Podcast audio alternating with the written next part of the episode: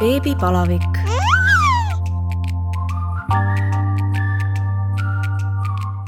tere tulemast kuulama Õhtulehe podcasti Beebipalavik. mina olen saatejuht Katariina Toomemets ja täna on äh, mul hea meel tervitada külalist äh, Taisit, kelle ametinimetuseks on sünnitusjärgne tuula. tere, Taisi!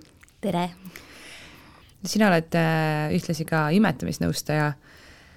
imetamine on minu arust ka selline teema, mis võiks ju arvata, et kõik naised oskavad seda, et äh, sa juba haiglas hakkad oma last enamasti rinnaga toituma ja ja nii on, aga, aga tegelikult ka jälle ei räägita, et ei räägita väga tihti avalikult sellest, et, et see ei pruugi olla väga kerge teekond. imetamine jah, on väga loomulik tegevus ja siis tundubki, et seda ei pea õppima. aga väga paljusid loomulikke asju me ikkagi õpime. ja tõepoolest, imetamine on õpitav seal on põhitõed, mis nagu vähemalt põhitõed võiks endale selgeks teha juba raseduse ajal. ja on emasid, kellel sujub imetamine kohe esimesest hetkest, kelle beebi haarab ilusti rinda, piima jätkub, kõik on suurepärane. ja siis on need emad, kellel ei ole see teekond mitte nii lihtne. aga siin saabki siis imetamisnõustaja saab aidata ja nagu ma ütlesin juba siin meie vestluse alguses, et mõnikord on kõik juba päris hästi, aga ema vajab lihtsalt seda kinnitust, et kõik on hästi. ema lihtsalt tahab, et ta ära kuulataks mm. -hmm. mis siis äh, on äh, võib-olla need asjad, mida üks ema peaks äh, kas või siis enne lapse saamist juba imetamise kohta teadma või, või siis õppima? Ma arvan, et äh, kõigepealt võiks endale selgeks teha, mis asjad on müüdid ja mis on tegelikkus.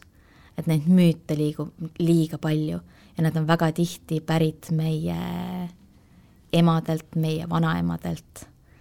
me oleme liiga palju kuulnud seda, kuidas piim on lahja, kuidas piim saab otsa, kuidas nibud äh, ei ole sobivad imetamiseks kuigi tegelikult äh, on väga vähe juhtumeid, kus tõesti nibud ei ole sobivad.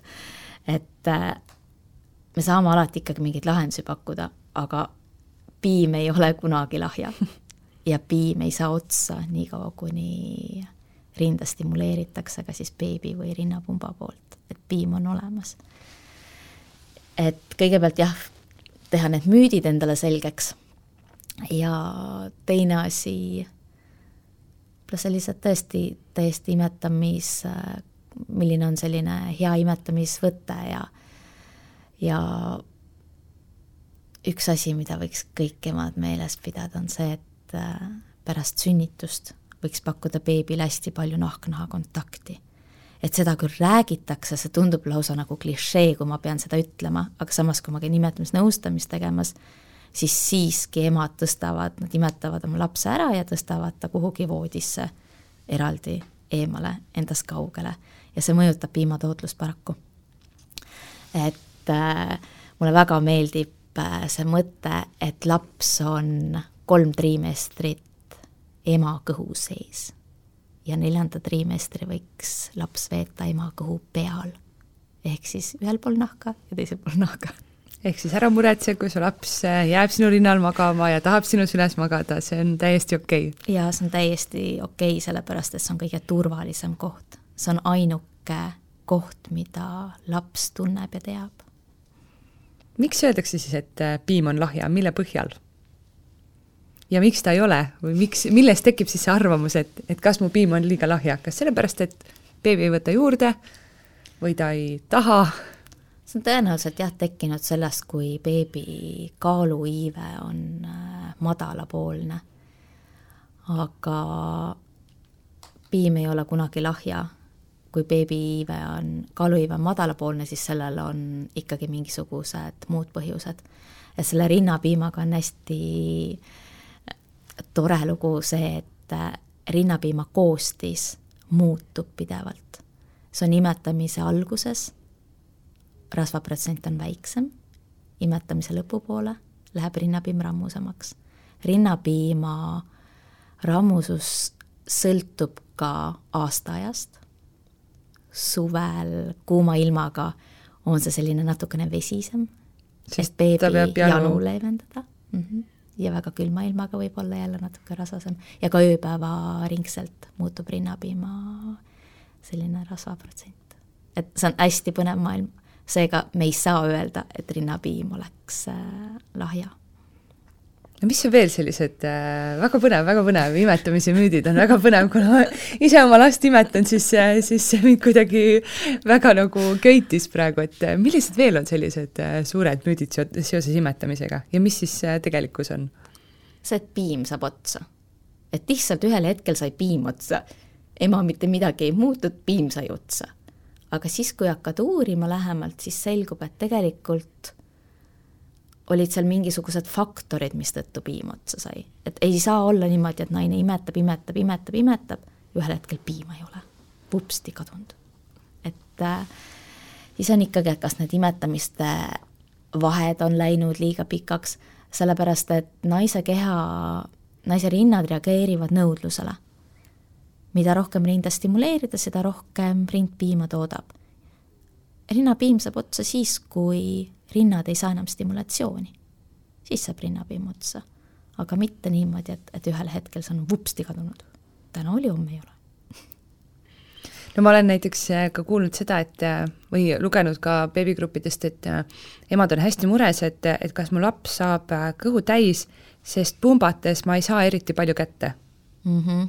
seda küsitakse hästi palju ka imetamise grupis meil, et see, kui palju ema pumbates saab kätte, ei näita seda kogust, mis beebi saab, sest beebi imeb alati tõhusamalt, beebi tühjendab rinda tõhusamalt.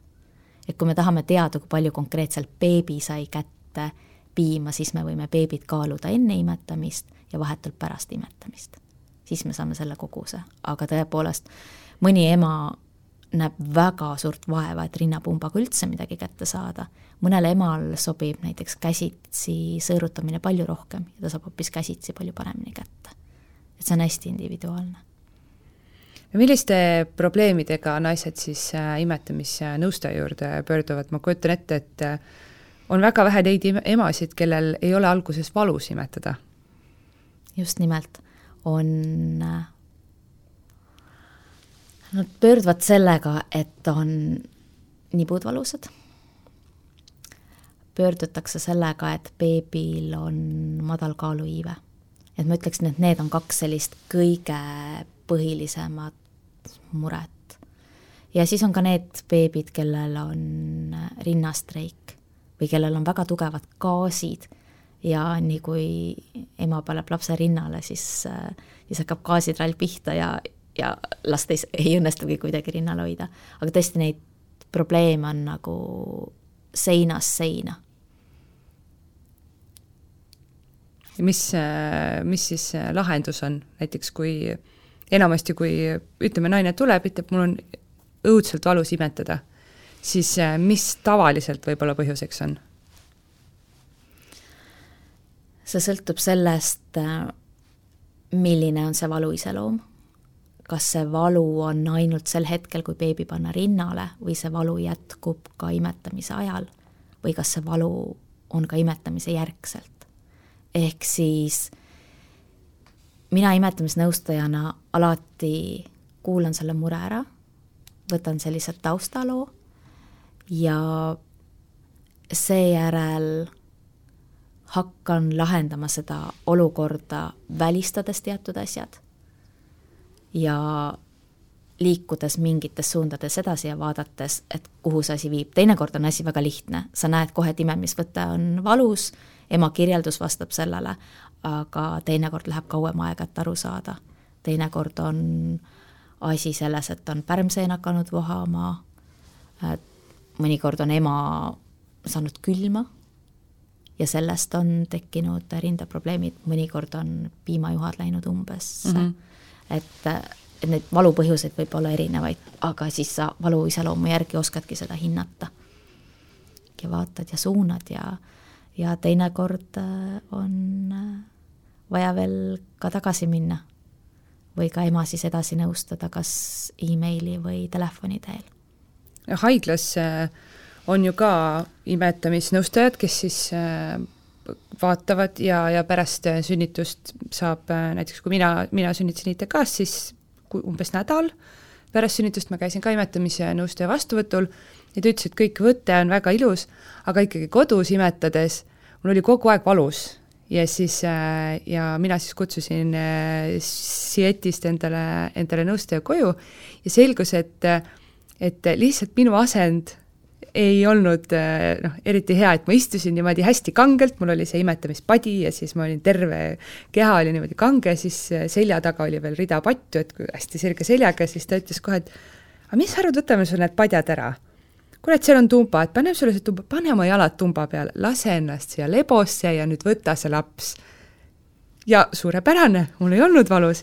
siis ma sain aru, et, et äh, haiglas käies siis äh, konsultatsioonis oli diivan õige kõrgusega, padi õige kõrgusega, kõik asjad olid täpselt õiged ja siis, kui ma tulin koju, siis ma kuidagi üritasin koduste vahenditega võib-olla alateadlikult siis sedasama nagu olukorda luua aga see kõik lõppes sellega, et mul oli pärast õlad olid valusad, kael oli valus ja imetada oli ka valus.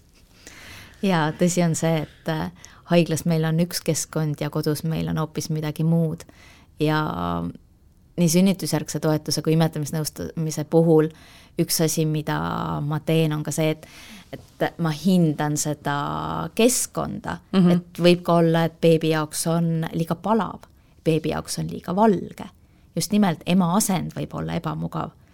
teinekord on tükk tegu, et maja pealt leida üles see õige tool või diivan, kus emal tõesti oleks mugav mm -hmm. imetada. kas me paneme siis kolm patti alla või paneme kaks, et mingisugused pisiasjad on teinekord need, mis äh, muudavad seda lõpptulemust väga palju. enne müütide juures sa ka mainisid ähm, gaase ja on olnud, ma olen kuulnud kaht varianti ühed, kes ütlevad, et ema toit mõjutab väga palju seda, kas lapsel on gaasid, ja teised, kes ütlevad, et ema toit ei mõjuta absoluutselt beebi seedimist ega gaase. kumb siis õige on? taas suurepärane küsimus.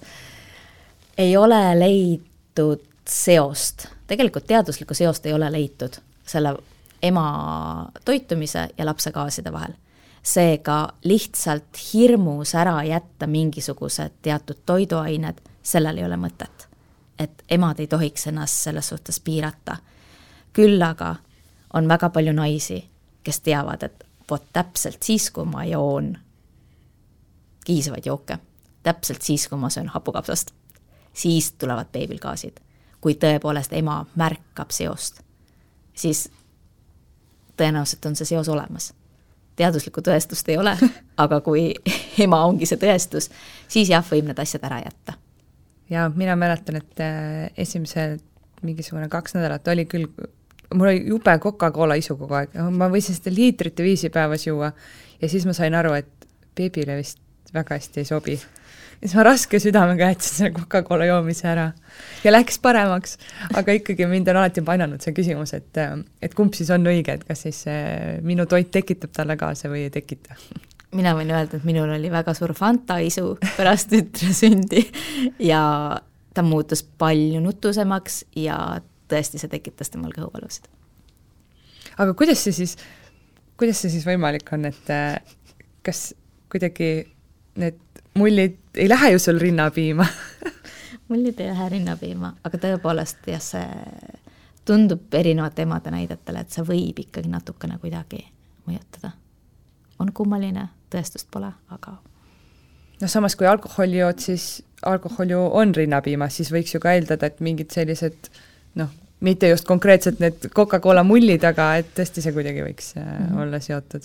tõepoolest ma olen ka kuulnud lugusid, kus emad tõesti lõpuks söövadki kana, tatart ja, ja peeti, sest äh, sest püütakse kõiki asju siis nii-öelda välistada ja, ja leida seda, mis see kurja juur võib olla mm. -hmm. ja see on hästi kurb. see on nagu tõsiselt kurb praktika, et äh, sellepärast ma alati ütlen, et süüa võib kõike mis sind õnnelikuks teeb. et jätame tõesti need väga kahjulikud harjumused välja. aga muidu küll, et lihtsalt me ei taha, et imetav ema, kellel nagunii on veidi suurenenud toitainevajadus, jätaks ennast kuidagi ähm, nukrasse seisu mm. -hmm. sest kui ta veel beebit imetab, siis lõpuks on ta väga-väga nukras seisus, see keha, et see organism ei pea ju vastu. et lisaks sellele, et kalorid kuluvad, ka vitamiinid ja. lähevad ära ja eks naise organism tahab ikkagi hoida ju beebit hea tervise juures. siis annab kõik ära. just. no selle mm, äh, rinnapiima lahjasuse ja, ja mittelahjasuse sa juba äh, rääkisid, aga ma olen kuulnud ka seda, et, et näiteks kui äh, siis kas ema on haige või beebi on haige, et siis äh, ema annab siis rinnapiimaga talle antikehi? jaa, just nimelt. et kui ema on haige, siis tekivad rinnapiima antikehad ja siis beebi saab need enda kaitseks endale rinnapiimaga. et tõesti, naise keha on imeline, et nii imetamise mõttes kui kogu selle raseduse kandmise ja sünnituse mõttes. see on fantastiline, et minu kummardus tõesti kõikidele naistele ja kõikidele emadele, et isegi kui need tolmurullid on kuskil nurgas, siis te olete superemad ja see, mismoodi naise keha töötab, on maagiline. et sa tegid äh, enda sees valmis inimese ja sa toodad talle ise toitu mm. -hmm, just. ja ma olengi pidanud äh, ka ütlema emadele seda, et, et kui see beebi sai söönuks üheksa kuud sinu kõhus, sa ei muretsenud selle pärast, et kas tal on kõht täis või tühi, siis miks sul on eelarvamus, et nii kui ta kõhust välja tuleb, jääb ta kohe nälga et äh, on emasid, kellel on pidev hirm, et nende beebid on näljas ja sellel tegelikult ei ole mingisugust alust. et kui su beeb, kui su keha suutis toita su beebit kõik need üheksa kuud, siis ta suudab seda teha ka edaspidi. võib-olla on vaja natukene abi siin lihtsalt toetust, aga ta oskab seda teha. et seda eneseusku on vaja. et ma olen selleks võimeline. minu piimast piisab minu beebi toitmiseks. mõnikord emad ju tahavad ka vabadust et äh, pumpavadki rinnapiima välja, panevad selle kas siis külmkappi, siis saab äh, mees seda mõnikord anda või siis äh, sügavkülma. Ja täpselt samamoodi on jälle, ma ise teen seda ja väga tihti pean jälle üle guugeldama, et kas see rinnapiim seisab nüüd neli tundi või kuus tundi, kui kaua ta pärast soojendamist võib teda lapsele anda? Tee nüüd see meile selgeks välja pumbatud rinnapiim, kui kaua tohib teda hoida? välja pumbatud rinnapiima võib hoida toatemperatuuril kaheksa tundi. kolm päeva külmkapis ja kolm kuni viis kuud sügavkülmas, pigem võiks jääda selle kolme kuu juurde, seal oleneb nüüd sügavkülma temperatuurist, et kui sügavkülm on miinus kaheksateist kraadi, siis kolm kuud, see on selline tüüpiline. aga kui ta on siis tööstuslik sügavkülm, kui ma õigesti mäletan, siis on miinus kakskümmend neli kraadi, et siis võib viis kuud. aga et lähtume sellest, et kaheksa tundi, kolm päeva ja kolm kuud. ja kui siis pärast kolme kuud on mingisugused rinnapiimavarud, siis tegelikult sellest võib lasta teha seepi. või, panna beebi vannivette, ma olen kuulnud. just, või vannivette või endale peale määrida.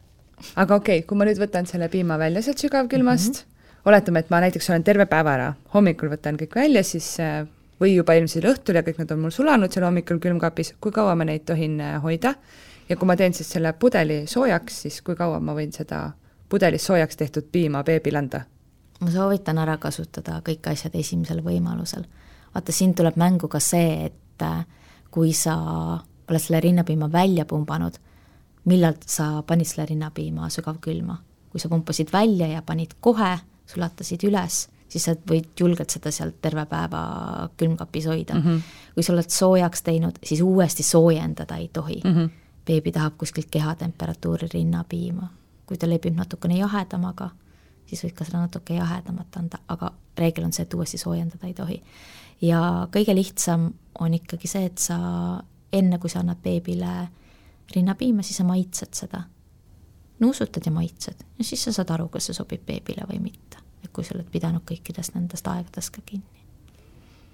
siis äh, kuidas ma saan aru siis, et see ei sobi, sest ta, siis ta läheb ikkagi selliseks no kui ta on tilgastanud selline ebameeldiva maitsega. ikka selline ta-, nagu, nagu tavalise piimaga põhimõtteliselt Daisy, aitäh sulle, väga põnev ähm, kujutan ette ka see imetamisnõustajate ja, ja tuulade maailm on äh, noh, sellest võiks rääkida päevi ja päevi, sest äh, nii palju, kui on, äh, on naisi, on kindlasti erinevaid probleeme ja rõõme ja muresid äh, aitäh, et sa natuke avasid oma tööd ja, ja vastasid imetamisega seotud küsimustele ja ma loodan, et et sinu tööpõld on ka tulevikus suur ja lai ja, ja naised, kellel on tõesti probleeme, saavad äh, kas siis sinult või, või teistelt sinu ametiõdedelt ja vendadelt abi. ja ma tänan sind kutsumast ja tõesti panen kõigile naistele südamele, et valmistuge sünnitusjärgseks ajaks samamoodi, nagu te valmistute sünnituseks ja väärtustage ennast sellega, et te võtate selle toetuse vastu, selle armastuse ja helluse aitäh ja aitäh kuulamast! Kuula beebipalavikku üle nädala neljapäeviti Spotify'st, iTunes'ist või kust iganes oma podcast'id leiad